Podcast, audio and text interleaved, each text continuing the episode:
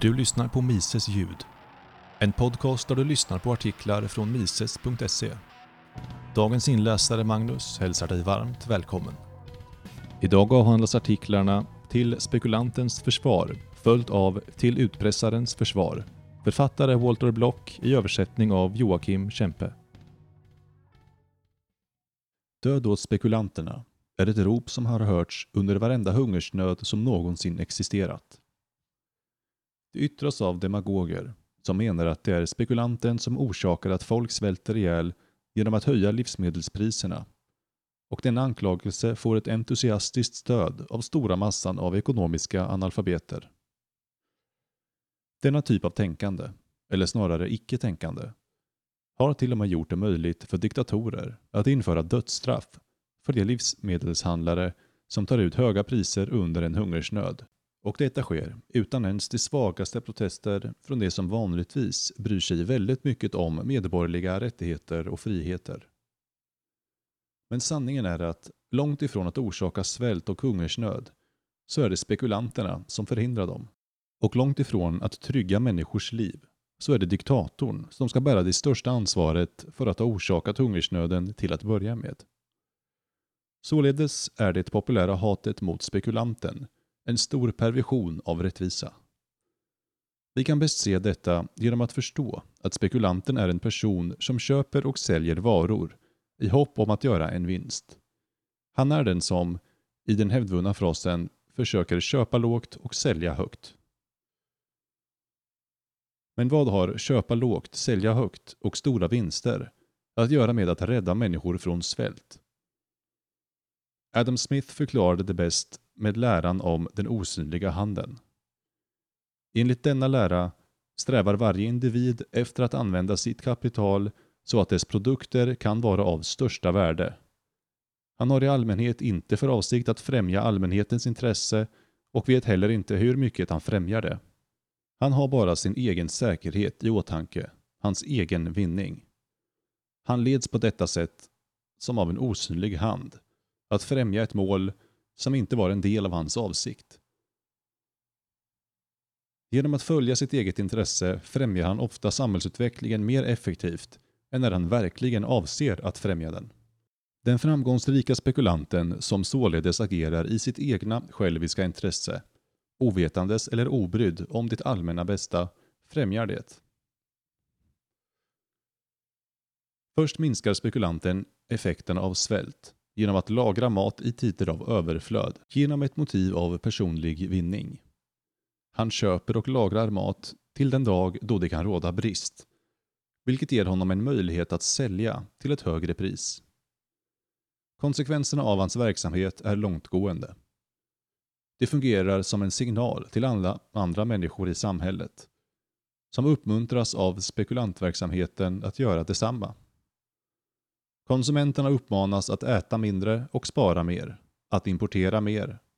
Jordbrukarna att förbättra sina skördar, byggare till att bygga fler lagringsanläggningar och köpmän att lagra mer mat.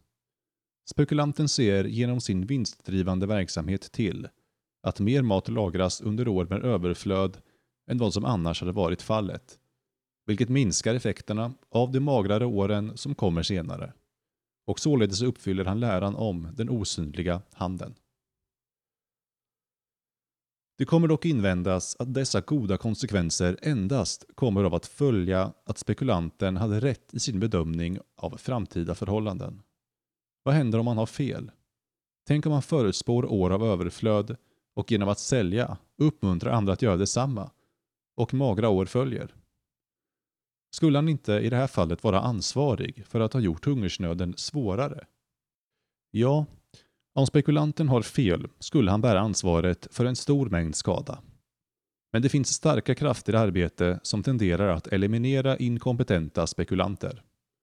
Således är den fara de representerar och den skada de gör mer teoretiska än verkliga. Den spekulant som gissar fel kommer att drabbas av allvarliga ekonomiska förluster. Att köpa högt och sälja lågt kan vilseleda ekonomin, men det skapar med säkerhet förödelse i spekulantens plånbok. En spekulant kan inte förväntas ha en perfekt förutsägelsestatistik. Men om spekulanten gissar fel oftare än rätt kommer han tendera att förlora sitt kapital. Således kommer han inte att förbli i en position där han kan göra en hungersnöd värre om han har fel. Samma verksamheter som skadar allmänheten skadar automatiskt spekulanten och hindrar honom därför från att fortsätta sådana verksamheter. Således kommer befintliga spekulanter vid en specifik tidpunkt sannolikt att vara mycket effektiva och därför också fördelaktiga för ekonomin. Jämför detta med statliga myndigheters agerande när det tar sig an spekulantens uppgift att stabilisera livsmedelsmarknaden. De försöker också att fint balansera mellan att lagra för lite mat och lagra för mycket. Men om de har fel finns ingen utrensningsprocess. Lönen för en statsanställd stiger och faller inte baserat på hur framgångsrik hans spekulationsaktiviteter är. Eftersom det inte är hans egna pengar som kommer vinnas eller förloras lämnar den omsorg med vilken byråkraterna kan förväntas sköta sina spekulationer mycket att önska. Det finns ingen automatisk, dagligt pågående förbättring av byråkraters träffsäkerhet som det finns för privata spekulanter. Den ofta citerade invändningen att spekulanten gör att matpriserna stiger kvarstår. Om hans verksamhet noggrant studeras kommer det dock göras uppenbart att den totala effekten snarare är en stabilisering av priserna. I tider av överflöd, då matpriserna är ovanligt låga, köper spekulanten. Han tar en del mat från marknaden, vilket leder till prisökningar. Under de magra åren som följer säljs dessa lagrade livsmedel på marknaden, vilket leder till att priserna faller. Naturligtvis kommer mat att bli kostsamt under en hungersnöd och spekulanten kommer att sälja det för mer än hans ursprungliga inköpspris. Men maten blir inte lika kostsam som den skulle ha varit utan spekulantens verksamhet. Man måste komma ihåg att spekulanten inte orsakar matbrist. Matbrist är ett resultat av missväxt och andra naturliga eller mänskliga skapade katastrofer. Spekulantens effekter på livsmedelspriserna är att stabilisera dem. I tider av överflöd, när matpriserna är låga, leder spekulantens verksamhet, det vill säga att han köper och lagrar mat, till att priserna stiger. I tider av hungersnöd, då matpriserna är höga, säljer spekulanten och orsakar således ett prisfall. På detta sätt tjänar han en vinst. Detta är inte skurkaktigt, utan tvärtom utför spekulanten en värdefull tjänst. Ändå smädar demagoger och dess följeslagare spekulanten istället för att hedra honom. Men att förbjuda matspekulation har samma effekt på samhället som om vi skulle hindra ekorrar från att lagra nötter inför vintern. Det leder till svält. Till utpressarens försvar. Vid första anblick är det inte svårt att svara på frågan om utpressning verkligen är illegitimt. Det enda problemet med frågan verkar vara varför den överhuvudtaget ställs. Sysslar inte utpressare med att, ja du vet, utpressa människor? Och vad kan väl vara värre än det? Utpressare använder människors mörka och dolda hemligheter. De hotar med att avslöja och offentliggöra dem. De blöder sina offer och driver dem ofta till självmord. Vi kommer dock att se att argumentet mot utpressare inte kan stå emot en seriös analys och att det bygger på en väv av ogranskade slagord och djupa filosofiska missförstånd. Vad exakt är utpressning? Utpressning är ett handelserbjudande. Det är ett erbjudande om att byta något, oftast tystnad, mot något annat, oftast pengar. Om handelserbjudandet accepteras håller utpressaren tyst och den utpressade betalar den överenskomna summan. Om utpressningserbjudandet avvisas får utpressaren utöva sin rätt till yttrandefrihet och publicera hemligheten. Det finns inget konstigt i detta. Allt som händer är att ett erbjudande om att hålla tyst förs fram. Om erbjudandet avvisas gör utpressaren inte mer än att utöva sin rätt till yttrandefrihet. Den enda skillnaden mellan någon som skvallrar och en utpressare är att utpressaren är villig att avstå från att tala för ett pris.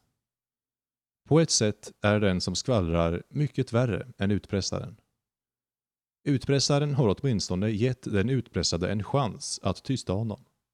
Skvallraren, å andra sidan, berättar hemligheten utan förvarning. Har man det då inte bättre i händerna på en utpressare än någon som skvallrar? Med skvallraren är allt förlorat. Med utpressaren kan man bara vinna, eller i alla fall inte få det sämre.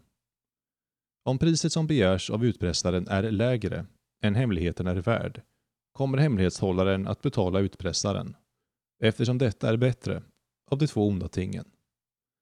Han vinner alltså skillnaden mellan värdet av hemligheten och priset på utpressningen.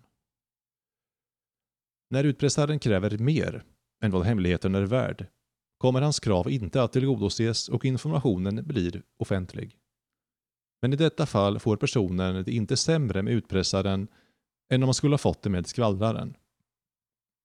Det är således synnerligen svårt att redogöra för det smädande som utpressaren har fått utstå.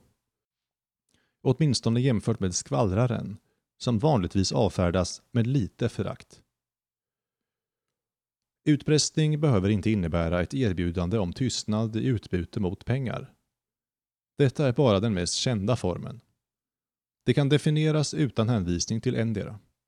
Definierat i allmänna termer är utpressning ett hot att göra något, något som i sig inte är olagligt, om inte vissa krav uppfylls. Många saker i det offentliga rummet passar in på denna definition av utpressning, men istället för att svärtas ned har de ofta uppnått en status av respekt. Till exempel är en bojkott en form av utpressning. Genom en bojkott av exempelvis företag som saknar kollektivavtal hotas dessa företag. Om de inte har ett kollektivavtal ombeds folk att inte ha något som helst att göra med dessa verksamheter. Detta överensstämmer helt och hållet med den tidigare definitionen. Ett hot att något, som i sig själv inte är olagligt, kommer att äga rum om inte vissa krav uppfylls. Men hur är det med de hot som är involverade i en utpressningshandling? Det är den aspekt som kanske mer än något annat är den del av utpressning som är mest missförstådd och fruktad. Vid första anblicken är man böjd att hålla med om att hoten är omoraliska. Det vanliga uttalandet mot aggression varnar, till exempel, inte bara mot aggression i sig, utan också mot hot om aggression. Om en strårövare antastar en resande är det oftast blott hotet om aggression som kommer att tvinga fram lydnad. Den enda skillnaden mellan någon som skvallrar och en utpressare är att utpressaren är villig att avstå från att tala till ett pris. Men tänk på vilket typ av hot vi pratar om. När det som hotas med är aggressivt våld är hotet förkastligt. Ingen individ har rätt att initiera aggressivt våld mot någon annan. Under utpressning är dock det som hotas med något som utpressaren har rätt att göra. Oavsett om det är att utöva rätten till yttrandefrihet, vägra att handla i vissa butiker eller att övertyga andra att göra detsamma. De handlingar som utpressaren hotar med i sig är inte olagliga och det är därför inte möjligt att kalla hoten illegitima. Utpressning kan enbart vara illegitimt när det finns en speciell försvuren relation mellan utpressaren och den utpressade.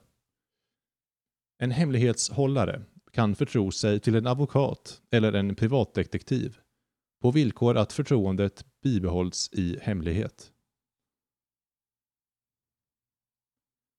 Om advokaten eller privatdetektiven försöker utpressa hemlighetshållaren skulle det stå i strid med avtalet och därför vara illegitimt.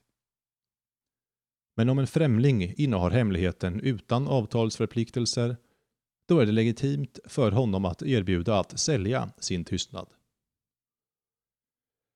Förutom att vara en legitim verksamhet har utpressning också några bra effekter, trots att det ofta hävdas motsatsen. Bortsett från vissa oskyldiga offer som fångas i nätet vilka är det vanligtvis som utpressaren ger sig på? I huvudsak finns två grupper. En grupp består av brottslingar. Mördare, tjuvar, bedragare, förskingrare, fuskare, våldtäktsmän etc. Den andra gruppen består av personer som deltar i verksamheter som i sig själva inte är illegitima men som strider mot majoritetens sedvänjor och vanor. Homosexuella, sexuellt perversa, kommunister, äktenskapsbrytare etc. Utpressningsinstitutionen har positiva men olika effekter på var och en av dessa grupper. När det gäller brottslingar har utpressningen och hot om utpressning en avskräckande effekt. Det ökar den inneboende risken att syssla med kriminella verksamheter. Hur många av de anonyma tips som tas emot av polisen, vars värde inte kan överskattas, kan spåras direkt eller indirekt till utpressning? Hur många brottslingar leds till att begå brott på sin egen hand och undviker hjälp av kumpaner i jobb som kräver samarbete av rädsla för eventuell utpressning? Slutligen finns det personer som är på väg att begå brott eller som är marginella kriminella, som en ekonom skulle säga, där minsta lilla faktor kommer att driva dem åt ett eller annat håll. Rädslan för utpressning kan i vissa fall vara tillräckligt för att avhålla dem från att begå brott. Om utpressning i sig legaliserades skulle det utan tvekan vara ännu mer effektivt avskräckande. Legalisering skulle utan tvekan leda till ett ökning av utpressning och till att medlemmar av den kriminella klassen skulle jagas av utpressare. Det sägs ibland att det som reducerar brottsligheten inte är det straff som är knutet till brotten utan vissheten om att åka fast.